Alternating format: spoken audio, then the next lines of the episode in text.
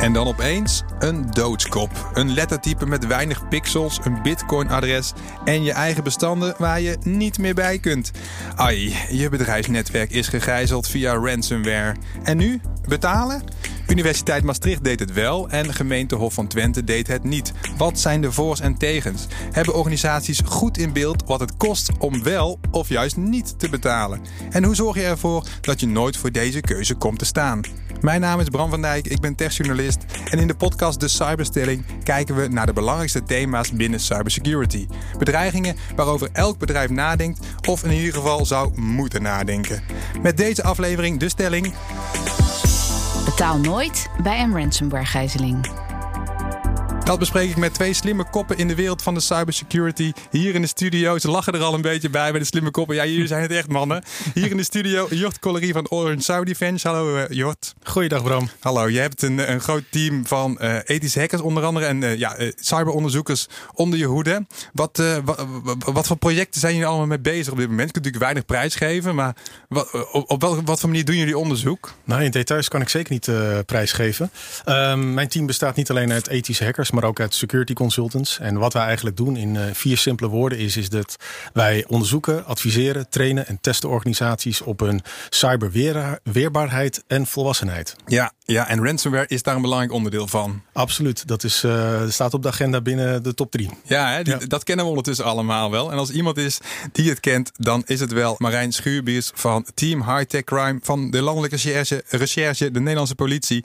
En hij is hier ook namens Ransomware Task Force. Welkom Marijn. Ja, uh, graag gedaan. Ja, eventjes kort de Ransomware Task Force. Wat, wat, wat doet die? Wat, wat zijn jullie? Uh, nou, ik werk zelf bij Team High Tech Crime. Dat is een onderdeel inderdaad van de Landelijke Recherche die opsporingsonderzoeken doet naar high-tech vormen van, van, van cybercrime. En de Ransomware Task Force is eigenlijk een samenwerkingsverband met de regionale cybercrime teams. Want inmiddels is er niet alleen maar het centrale Team High Tech Crime, maar er zijn er overal in elke geografische politieeenheid is een cybercrime team gevestigd. En we merken eigenlijk dat ja, uiteraard, uh, weet je, ransomware of cybercrime in generiek uh, laat zich niet door grenzen beperken. Dus daarmee werken we eigenlijk samen. Iedereen loopt tegen het ransomware probleem aan. Uh, en daarvan hebben we gezegd van nou laten we daar gezamenlijk in optrekken dat we niet allemaal dingen dubbel gaan zitten doen of ieder voor zich, maar dat we alle informatie delen, dat we samen optrekken in één strategie. Ja, ja, ja. En het thema ransomware, dat is natuurlijk iets wat de laatste paar jaar veel onder de aandacht is geweest. Ik denk dat jullie op verjaardagen tegenwoordig minder hoeven uit te leggen dan een paar jaar geleden. Klopt dat, Jort? Ja, zeker. Dat is, uh, het fenomeen is bekend. Uh, je leest er ook veel in de media. Dus het is voor niemand eigenlijk onbekend. Alleen wat het nou eigenlijk doet en wat voor impact het heeft, hè, dat lezen we ook alleen maar bij de grotere organisaties. Maar hoe zit het dan eigenlijk bij de kleinere organisaties? Want mm. die hebben er echt structureel heel veel last van. Ja, ja. Marijn, uh, even voor jullie, hè, voor, de, voor de Nederlandse politie. Wat, wat, wat is de definitie van ransomware voor jullie? Nou, die is eigenlijk ook aan het verschuiven, zou ik oh, zeggen. Ja, ja, ja want het, het fenomeen uh, bestaat al langer. Hè. Op het begin was het eigenlijk heel erg uh, ge georiënteerd op de consument. Dus dan de, de huis, de, eigenlijk de thuiscomputer die op slot werd gezet, waar je voor uh, 300 euro jezelf weer vrij kon kopen. inmiddels is dat wel verschoven sowieso naar bedrijven. Dus dat gewoon hele net, complete netwerken op slot worden gezet eigenlijk. Um, dus dat op slot zetten, dat is, dat is wat je dan eigenlijk noemt echt de ransomware. Uh, of cryptoware noemen ze het ook al. De netwerken worden met versleuteling op slot gezet. Ja, ransom is losgeld. Hè? Dus, dus ja. Uh, ja, een, soft, iets, een stukje software, een stuk programma wat iets op slot zet en daarmee losgeld uh, probeert los te peuteren. Ja, precies. Alleen inmiddels, omdat bedrijven zich steeds beter beginnen te wapenen uh, op ons adviezen ook van zorg bijvoorbeeld dat je goede backups hebt. Uh, en dan waardoor je onder de betaling uit zou kunnen komen. Alleen de criminelen anticiperen daarop door ook de, niet alleen de boel op slot te zetten, maar voordat ze de boel op slot zetten, eigenlijk alle data van het bedrijf ook stelen. En dan hebben ze een extra troef in handen. Zeggen ze nou oké, leuk dat je backups hebt, maar wij hebben ook jullie data. Betaal je niet, dan gaan we jullie data publiceren. Als extra drukmiddel om ja, die, die betaling toch aantrekkelijk te maken. Ja, want dat, dat willen we vandaag even bespreken. Dus, dus sector, hè, zeg de, het criminele circuit. Uh, Jort, wie zijn ze? We hebben het altijd over ze. Komen ze binnen? Wie zijn ze? Hoe zien ze eruit? Waar zitten ze? Wie, uh, wie zijn dit? Nou, we weten niet uh, hoe ze eruit zien. En dat kan Marijn ook uh, bevestigen. maar we weten wel wat ze doen en hoe ze het doen. En wie ze ook aanvallen. En er zit ook wel een verschil in. het zijn niet alleen de cybercriminelen. Dat hebben we ook wel geleerd van NotPetya. de ransomware aanval. Wat uiteindelijk geen ransomware bleek te zijn. Maar gewoon destructiesoftware. Dus uiteindelijk, hè, daar zat een nation state achter. Zoals wij dat zeggen. Ja, een, een, een land. Een land inderdaad, ja. En die had uiteindelijk als doel, in, in dit geval Rusland om uiteindelijk Oekraïne op de knieën te krijgen. En je ziet uiteindelijk dat de destructiesoftware uiteindelijk niet alleen Oekraïne trof, maar uiteindelijk dat het geen grenzen kent en uiteindelijk de hele wereld trof. Met ongeveer geraamd op 10 miljard dollar schade bij verschillende bedrijven en instanties. Ja, ja dus dat is een ze, zeg maar. Dus een, het zolderkamerhekkertje bestaat niet meer, toch? Of wel, Marijn? Nou ja, niet meer inderdaad als het zolderkamerhekkertje. Maar wat je wel ziet, zeg maar, het zijn ook... het is meer een loft geworden nu eigenlijk. Gewoon een gigantische plek. Ja, nou, dat, dat wellicht. Al hebben we recente aanhoudingen in, in de Oekraïne gedaan. Dan was het toch wel weer een, een, een lelijk kamertje, om het zo maar te zeggen. Maar wat we wel zien, is dat het, het hele landschap is ook gediversificeerd. In, in de zin van voorheen, we hebben in het verleden bijvoorbeeld twee broers in Amersfoort aangehouden voor ransomware aanvallen. Die deden dat wel vanaf hun kamertje. Dus dat, dat, dat, en dat is ook nog maar een paar jaar geleden. Maar inmiddels is eigenlijk dat landschap zo gediversificeerd dat, je, um, dat het eigenlijk een soort service-economie is geworden. En dat uh, degene die de ransomware plaatsen in de zin van die echt je computers op slot zetten, dat is een aparte groep. Maar er gaat eigenlijk nog een heel traject aan vooraf door andere groepen.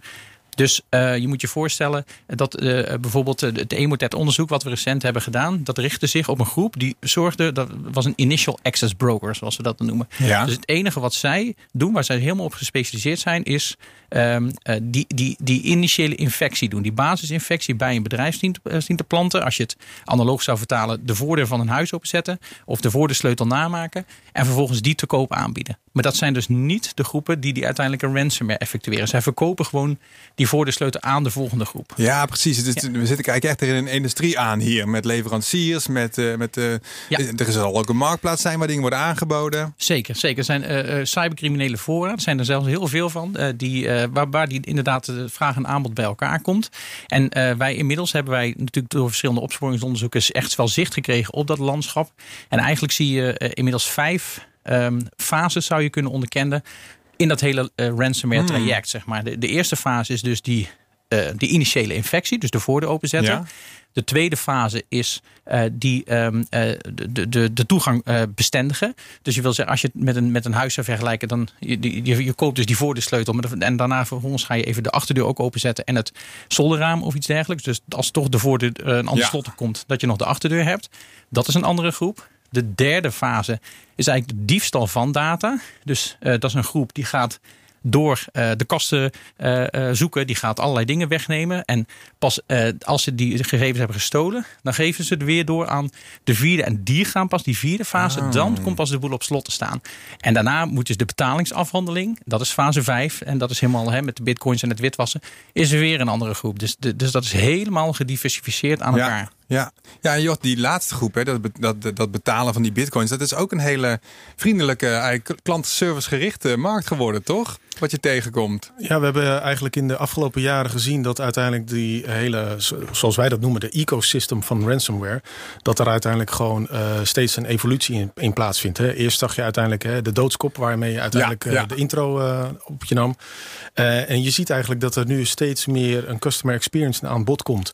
Uh, ze willen graag uh, de, het slachtoffer willen ze heel goed mogelijk helpen. En er zitten gewoon uh, chatwindows ingebouwd om uiteindelijk de juiste bitcoins aan te schaffen en ook de betaling te verrichten. Ja. Dus um, ja, kijk, en, en, dat is denk ik ook wel een middel dat uiteindelijk de customer satisfaction, zoals wij dat in de afgelopen mm -hmm. jaren hebben onderzocht, hè, de payment success rate zit nog steeds tussen de 90 en de 96% Zo hoog, ja. Zo. En dat is uiteindelijk, hè, als data heilig is, of dat nou een organisatie, een instelling of een individu is, en zeker bij de individuen, hè, de burgers onder ons, ja, die gaan over tot betalen. Dus 9 van de 10 partijen, of het nou bedrijven zijn of consumenten, die betalen uiteindelijk. Juist, ja. ja. Zo, dat is echt hoog. Maar dan, dan ja, we, we, hebben de stelling al, die zijn we aan het introduceren natuurlijk. Hè, betaal nooit bij ransomware gijzeling. Ja. Dat, dat, dat is iets wat, wat jij een warm hart toedraagt, of niet? Ja, nee, wij, wij ons advies is absoluut uh, niet te betalen. Eigenlijk als ik terugpak op de, op de fases van zojuist. Uh, deze hele keten die kunnen we alleen doorbreken, zeg maar, als we ergens in die, in die vijf fases uh, het proces kunnen doorbreken. Wij hebben dat bij dat Emotet-onderzoek zitten we helemaal in fase 1. We denken dat we daar heel effectief zijn, zijn geweest. Maar we kunnen natuurlijk niet alle uh, we kunnen natuurlijk niet alles oplossen. Wat de bedrijven zelf kunnen doen, is verderop, is in dit hele proces op elk van die fasen zich wapenen. En een van die fasen is dus die betaling. Ja. En uh, als, uh, als het businessmodel niet meer aantrekkelijk wordt, doordat als er dat er niet meer betaald wordt, ja, dan, dan, dan, dan, dan doorbreek je de keten ook. En, uh, en zelfs als je dat alleen maar als Nederland doet, zeg maar. Dan hoeft niet de hele wereld meteen niet meer te betalen. Uh, nou ja, dat zou natuurlijk het allermooiste zijn. Zeg maar. maar laten we inderdaad beginnen maar eens met, uh, met Nederland. Als, als Nederland als is niet zou doen. En dat snijdt eigenlijk aan meerdere kanten. Wat wij in opsporingsonderzoeken letterlijk terugzien, hè, fysiek op de, op de blockchain, dat, dat de betalingen die door bedrijf X zijn gedaan na een ransomware aanval, een deel van die opbrengst die wordt weer geïnvesteerd in nieuwe infrastructuur om nieuwe bedrijven aan te vallen. En dan ja, houd je dus de keten in stand. Jij hebt dan wel betaald, jouw probleem is opgelost, maar vervolgens wordt het wel het probleem van je buurman. Ja. Dus dat is al één reden om, om waarvan we zeggen niet betalen. Daarnaast, zeg maar, ik, ik gaf eerder aan van uh, het is inmiddels een, een hele service-economie geworden. Dus toegang tot bedrijven wordt te koop aangeboden. Um, die marktwerking die, dat werkt enorm in het voordeel van, van de cybercriminelen. Maar als op enig moment bekend wordt dat Nederlandse bedrijven structureel niet betalen, wordt gewoon de waarde van de toegang die verkocht had tot Nederlandse bedrijven wordt gewoon lager. Ja, precies. En daarmee kunnen we dan die marktwerking omdraaien en tegen de cybercriminele wereld gebruiken. Dan zeggen, oh, dan zeggen ze, oh, ik heb hier toegang tot uh, bedrijf in België, bedrijf in Duitsland, bedrijf in Amerika. En bedrijf in Nederland zegt, nou, die in Nederland kan, kan, ik wel van je kopen. Maar dat is niet zo interessant. Dan ga ik heel veel investeren in ransomware en dan betalen ze niet. Dus uh, doe, doe me dat andere bedrijf maar. Dus ja, zo ook, maar dan geef je natuurlijk wel door aan de buurlanden. Dus, dat zou een effect kunnen zijn. Maar het mooie daarvan is wel, dat is ook wetenschappelijk aangetoond, dat een verplaatsingseffect is altijd een verminderingseffect. Dat hadden we elke vorm van criminaliteit. Als je één wijk veiliger maakt door, door camera's of door betere buurtpreventie of wat dan ook. Natuurlijk gaan die inbrekers die moeten zich gaan verplaatsen. Maar met die verplaatsing wordt, uh, wordt het ook altijd minder. Omdat die, die crimineel moet zich in die nieuwe wijk gaan inlezen. Die moet nieuwe vluchtroutes gaan bedenken. Kost allemaal tijd. Weet je, dan drijf je hem op kosten en wordt hij minder effectief. Hm, ja, ja, dus oké. dus doorduwen is niet gewoon. Het is niet alleen maar je, je, je, weet het, je vuilnis bij de buren neerzetten. Het, gaat, het, is, het is wel iets verder dan dat. Zeg Zeker. Maar. Nee, en we, zouden, we zeggen ook tegen onze buren: van uh, betaal ook vooral niet. Hè? Dus, uh, ja. dus er staat ook een vrij om hetzelfde te doen. Ja. ja. Jort, heb jij vanuit Orange Saudi Defense veel van dit soort cybergevallen uh, behandeld? Echt dat het al de gijzeling er al was? Of zitten jullie iets eerder in het proces? Ja, we zitten eigenlijk uh, tweeledig in het proces. Uh, mijn team van, uh, van consultants en ethische hackers die, die onderzoeken en adviseren en testen organisaties.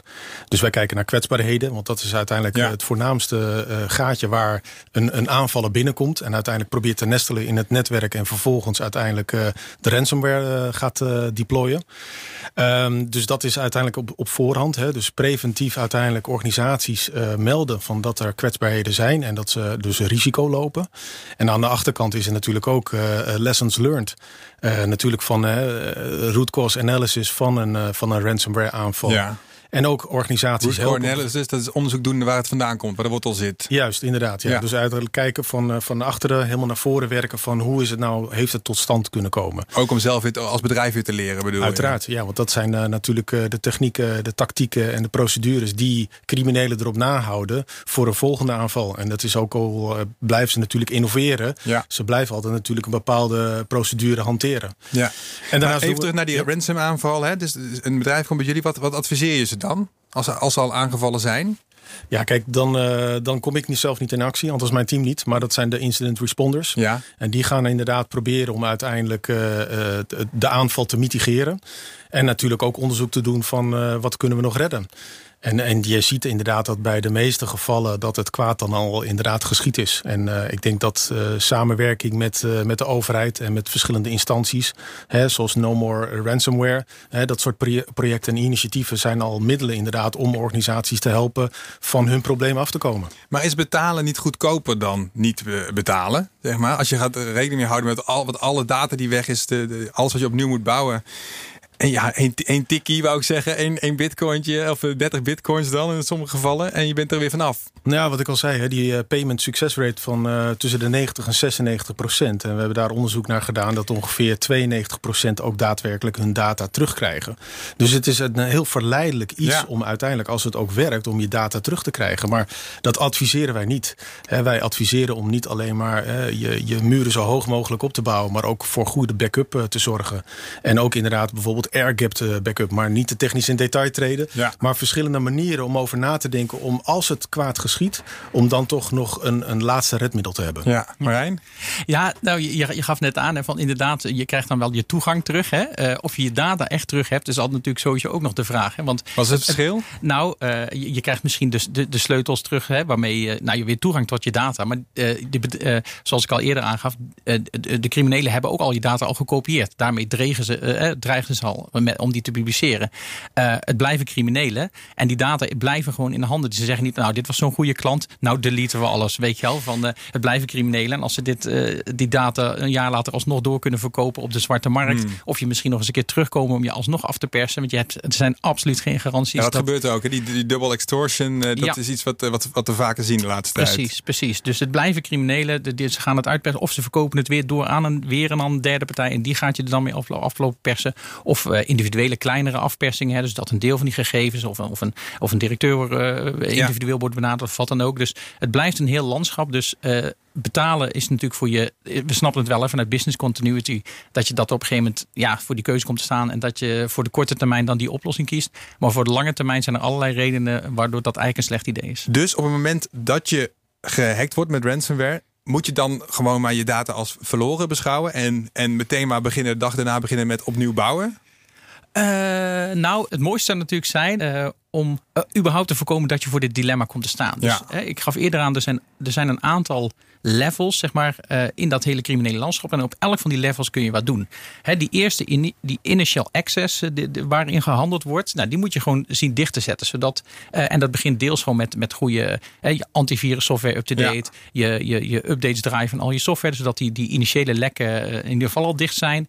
Ook je, je personeel goed voorlichten, zodat ze niet op ieder linkje zomaar klikken. Want de, de menselijke fout zit er ook altijd nog in, die, in die ketting. Dus dat het personeel weet van oké, nee, niet op iedere attachment zomaar klikken. Of eh, de- bedenk goed, want de, de phishing wordt ook steeds weer gerichter. Dus daar kun je allerlei dingen op doen. Ehm, vervolgens ja, er, er loopt natuurlijk altijd het risico dat ze alsnog binnenkomen en dat je je data gaan stelen.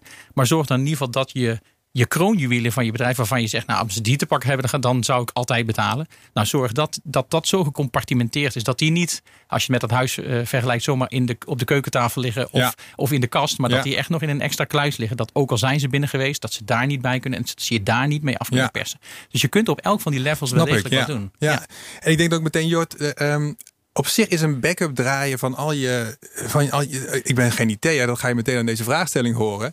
Maar dat is toch ook niet zo moeilijk? Je pakt alle bestanden één keer per week, je zet ze op een, op een andere computer of een andere, andere server. En dan elke week laat je hem draaien. En als je dan server A gehackt wordt, nou dan, dan pak je server B en dan zet je die er weer op. Ja. Waarom, waarom is het niet zo makkelijk als ik zeg? Nou, kijk, de, de, de evolutie waar ik al eerder over sprak, hè, van ransomware, daar zie je ook natuurlijk de intelligente middelen in terugkomen. Eh, je hebt een ransomware gezien eh, die uiteindelijk niet meteen actief werd, maar uiteindelijk na een periode van een x aantal dagen. Nou, je hebt natuurlijk altijd de incremental van, eh, van het aantal dagen van een backup die, je- die je laat draaien. En zodoende zijn uiteindelijk, dacht men veilig te zijn, maar men ging de backup terugzetten en werden weer getroffen door ransomware. En Ah, die bleef oké. eigenlijk in een cyclus terugkomen. Dus je ziet continu dat het een kat-en-muisspel is. De verdediger, eh, of althans de organisaties die verdedigers inhuren, zoals, eh, zoals wij, die proberen continu eh, iets eh, tegen te roepen, een, een halt toe te roepen. En daar wordt op geïnnoveerd. En dat is ook eh, dat ecosystem waar Marijn het over had. Hè. Die continu investering in nieuwe aanvallen bij nieuwe organisaties met nieuwe technieken en aanvallen. Ja. ja. Ja. Rijn? Nou, en, en, en inderdaad, en eh, dat, dat zien wij inderdaad ook, dat kat-en-muisspel. En het interessante is dat eigenlijk in die opsporingsonderzoeken die wij doen, daar, daar zien wij ook wel bepaalde trends zich aftekenen, waar we eigenlijk de zwakheden van de criminelen zien. Eh, en, en dat kan dus interessant zijn. Hè? De betalingsstroom is er natuurlijk eentje van. Maar wat wij ook in concrete onderzoeken zien, is dat eh, wanneer die initiële access tot bedrijven wordt doorverkocht aan, nou, op die markt en op een gegeven moment bij zo'n ransomware club terechtkomt, eh, op enig moment zien ze, dan gaan ze dat proberen. Maar dan, dan lopen ze bijvoorbeeld tegen two-factor authenticatie aan. Hè? Ja. Dus, een, dus niet alleen een username wachtwoord eh, als toegang tot je systeem, maar ook met een, een token of een ja. sms of op een andere een, een tweede factor erin. Wij zien heel concreet dat criminele groepen Uh, zodra ze dat tegenkomen, dan leggen ze die partij links. Zo, ma zo, makkelijk gaat het, omdat het aanbod van initiële toegang zo groot is. En het werk wat erin gaat zitten om die two-factor te omzeilen, dat kan allemaal weer wel. Maar dat is, weer, dat, dat, dat is gewoon ja, een hele ja, grote precies. Dus eigenlijk omdat alle bedrijven zo zwak zijn, ik chargeer eventjes. Uh, als je hoeft maar iets te doen en je bent in één keer al een x keer minder interessant voor deze hackers. Zeker, zeker. En wij zien momenteel dat echt two-factor authenticatie, wat relatief, een relatief bekend en nou ja, een beetje een relatief eenvoudig middel is om te implementeren op je systemen, uh, uh, dat dat echt een enorme winstpakker is. En dan, als het aan mij zou liggen, uh, zouden we een beleid gaan voeren in Nederland dat elk bedrijf in Nederland two-factor authenticatie heeft en dat one-factor, gewoon username, wachtwoord, dat er gewoon niemand not done is. Net, net als de, dat je rijden met een borrel op, dat is inmiddels ook helemaal uit de tijd, doet niemand in roken, past ook niet meer. One-factor authenticatie ook niet. Weet je wel, ja, als precies. je dat hebt, dan ben je niet geloofwaardig. Het is een beetje gênant eigenlijk als je dat moet vertellen. Ja, precies dat je niet meer, eh, als je, als je dat niet hebt. Nee, inderdaad. En eh, als we zo Nederland veilig kunnen maken, uiteraard, dan, dan gaat het dan weer naar een ander land waar, het nog niet, waar die dat misschien nog niet hebben. Maar die moeten dat ook gaan doen. En, maar we zien heel letterlijk dat criminelen, as we speak, gewoon zeggen: oké, two-factor authenticatie, die bedrijf laten we even links liggen. We gaan even door naar de volgende. Jort, ligt die ook bovenop jouw stapel aan adviezen die, uh, die wordt gegeven? Ja, absoluut. Uh, two-factor authentication of multi-factor authentication is echt een van de aandachtsonderwerpen. Maar we gaan ook vaak met, met, met organisaties in gesprek om te kijken van hoe kunnen we het aanvalsoppervlakte nou verlagen. Hè, wat, is je, wat is je attack exposure? En, uh, en dat doen we door uiteindelijk gewoon de organisatie in kaart te brengen. En je ziet nog dat heel veel organisaties traditionele security maatregelen hebben getroffen om hun organisatie te beschermen. En ze mm. moeten eigenlijk naar de volgende stap, het volgende volwassenheidsniveau, om zich weerbaarder te maken uh, tegen dit soort aanvallen. En dat heeft natuurlijk te maken met natuurlijk uh, die innovatie die aanvallers ook steeds doen, hè, het kat-en-muisspel. Het voelt wel ook een beetje als zeg maar, de renovatie van het Amsterdam Centraal Station. Je, je bent er eenmaal klaar mee. En als je daar klaar mee bent, moet je eigenlijk weer vooraan beginnen om het weer opnieuw te renoveren. Klopt dat? ik, denk, ik denk het wel. Ja, dit zal altijd een, eh, een kat-en-muisspel blijven. Uh, maar en we hebben elkaar in nodig. Dus inderdaad, je moet, uh, als, als iedereen daarin samenwerkt, hè, dat, dat is dan ook echt wel, echt wel super belangrijk. De private security bedrijven, goede, goede inhuren, je, de awareness bij je, bij, bij je eigen personeel. Maar dus ook mocht je wel getroffen zijn en zelfs als je betaald hebt, meld het dan bij de politie. Weet je, moment, hè, wij merken, wij zien ook letterlijk natuurlijk een bepaalde aanvallen van hé, hey, dat bedrijf wordt gehackt, daar hebben wij dan zicht op of is gehackt. En wij, als wij terugzoeken in het systeem, hebben die zich niet gemeld bij de politie. Hm. Er kan een legio aan dingen onderliggen, hè, misschien schaamte of uh, bang voor een, negatieve media of wat dan ook. Maar als uh, uh, wij, net als ik aangaf, wij, wij doen wel degelijk opsporingsonderzoeken. Inmiddels met een complete ransomware taskforce waar alle regionale cyberteams bij betrokken zijn. En uh, en wij kunnen daar hele goede dingen bij doen. Zowel in de, in de eh, we, noemen eigenlijk altijd drie dingen. Uh, voorkomen, weet je, in de voorkomings- en preventieadviezen, mhm. zoals we die nu net geven. Of verstoren van de infrastructuur. Als we op een gegeven moment zicht krijgen op criminele infrastructuur, dat we die criminele infrastructuur gaan, uh, gaan platleggen of op een andere manier verstoren. Of daadwerkelijk, ja. of daadwerkelijk opsporen. Dus voorkomen, verstoren en opsporen. Alleen dat kunnen wij deels alleen maar doen met de juiste informatie. Dus ook al eh, is het je overkomen. En zelfs als je betaald hebt, moet je niet uh, voor schamen. Maar kom het in ieder geval melden bij de politie. Of ja, echt een formele aangifte, echt aan een balie. Dat is nog even een tweede. Maar maak je in ieder geval mhm. kenbaar. En dan, als we de aangifte nodig hebben, dan komen we echt wel op de lijn. Maar als we bepaalde basisinformatie hebben, bijvoorbeeld het Bitcoin-adres waarop betaald is. Uh, wat logfiles van, van IP-adressen van de aanvalsinfrastructuur, waar uiteindelijk via waar is binnengekomen of wat dan ook. Als je dat deelt met de politie en wij kunnen dat met die ransomware taskforce gaan stapelen, dan kunnen wij nog effectiever uh, die criminelen dwars gaan zitten. En uiteindelijk de, de, ja, de B van Nederland beter maken. Ja, mag je betalen eigenlijk als bedrijf? Is dat nog een soort van heling witwassen achter iets? Is dat... Ja, nee, nee het, is niet, het, is niet, uh, het is niet verboden. Het is inderdaad geen heling. Het is, het is uh, ook geen witwassen. Nee, en al zou het als in die categorie vallen, zou er niemand zijn die, die geen officier van justitie daar ooit voor zou gaan vervolgen. Nee, dat is niet zo. Jort, bij jullie doen natuurlijk ook heel veel onderzoek naar wat voor mensen dan op afkomen. Of wat voor mensen dan binnen systemen binnenkomen. Ik kan me voorstellen dat die informatie voor de Nederlandse politie ook interessant kan zijn. Hoe is die afweging voor jullie? Wat je, wat je, het, is ook, het is ook jullie, ja, jullie onderzoek geweest. Het is ook iets wat je misschien liever bij je houdt. Nou ja, ik, ik, ben voor samenwerking. Ik denk dat dat ons absoluut gaat helpen. Ik denk ook uh, de exposure die uh, in de afgelopen jaren is geweest van twee uh, grote organisaties die zijn getroffen. Ja. wel betalen en niet betalen en dergelijke. Een duidelijke keuze. Laten we eens even noemen. Dat was natuurlijk de Universiteit Maastricht. Die koos om wel te betalen, 200.000 euro. Ja. En het gemeente Hof van Twente die besloot om niet te betalen en alles opnieuw op te gaan bouwen. Ja. ja. Dus uiteindelijk, uh, als je kijkt naar van uh, de samenwerking opzoeken, die is absoluut gaat helpen. Hè. Als we het kwaad willen bestrijden, dan doe je dat gewoon arm in arm. En uh, dat doe je ook met je partners in crime ten aanzien van onze collega's die in dezelfde markt zitten van de commerciële mm. cybersecurity business. Um, maar goed, hè, er zijn grenzen natuurlijk altijd in de samenwerking. Hè. Wij, de politie kan om niet alles delen met commerciële organisaties. En dat geldt ook voor ons. Maar ik denk wel dat we bijvoorbeeld hè, de informatieuitwisseling ten aanzien van het opsporen van mogelijke criminelen die erachter zitten. Hè, dus door het verschaffen van IP-adressen, uh, andere informatie die ertoe doet dat we kenmerken kunnen uh, lokaliseren in bijvoorbeeld onderzoek naar digital forensics van malware. Ja. Hè, dan kunnen we dat absoluut delen. Maar er zijn altijd natuurlijk grenzen. Ja, nou, nou goed, jullie hebben ook andere. De politie heeft natuurlijk ook weer andere middelen. Die kunnen weer aftappen natuurlijk. Dat kunnen jullie weer niet. En zo heb je natuurlijk allemaal weer wat. Nou ja, zo, zo is het. En daarom hebben wij ook uh, een van de, de, de strategische punten die we met de Ransomware Task Force doen, is die publiek-private samenwerking uh, gaan aanhalen. We doen momenteel oriënterende gesprekken met uh, zowel cybersecurity bedrijven als verzekeringsmaatschappijen, die allemaal over informatie beschikken om die ons kunnen ja. helpen. Uiteraard is het zo dat er altijd, wij snappen de, dis, de discretie die ze hebben als een klant expliciet hun, hen heeft ingehuurd. Maar ga je van ja, we willen absoluut niet dat die informatie op de politie terechtkomt. Dan zullen die cybersecurity bedrijven dat ook niet doen. Uh, maar uh, het is natuurlijk wel een overweging dat je zegt: oké, okay, ik huur dat cybersecurity bedrijf in om mijn die incident response te doen. Maar daarna uh, hield dat rapport mag van onze direct ja, naar ja. de politie. Verstrek het. Zou ik zeker aanraden. En wij proberen dat ook te stimuleren. Of dan inderdaad nog zelfs als cybersecurity bedrijven op een gegeven moment vijf incidenten hebben afgehandeld. Die zien op een gegeven moment ook een patroon ontstaan mm -hmm. in aanvalsinfrastructuur of in methodieken. Of op een gegeven moment zegt maar hé, hey, maar hier zit een Achilles hier van de, van de, van de, uh, van de criminele organisatie. Uh, daar zouden we iets aan willen doen. Bijvoorbeeld die infrastructuur downhalen. Maar ja, dat, dat, dat kan een cybersecurity bedrijf dan uh, juridisch gezien niet. Of, of technisch gezien niet. Of wat dan ook. maar dan, dan kunnen, kunnen wij wel degelijk een rol in spelen. En zo kunnen we elkaar vinden om uiteindelijk met z'n allen Nederland veilig te maken. Nou, dat is een mooie plechtige, plechtige woorden, Marijn. Uh, ik zit tegelijkertijd ook te denken, kijk, uh, als we er zo over spreken, denk je, jeetje, waarom, waarom zijn we nog niet ingestort als land? Snap je? Weet je, de, gevaren liggen, liggen op straat. Het is, alle bedrijven die lijken wel ingangen te hebben. Een phishing mailtje is zo geopend. Wa waarom horen we dan eigenlijk nog zo weinig van dit soort cases, Jocht? Nou, ik denk dat het ook met een beetje schaamte komt. Hè. Organisaties gaan niet uh, in de media uh, uitleggen dat zij getroffen zijn door, uh, door ransomware. En ik denk dat het voornamelijk ligt bij de commerciële bedrijven. Want het is toch natuurlijk wel een beetje smet op je naam ja. en op je producten. natuurlijk ook business continuity speelt daar ook een rol in.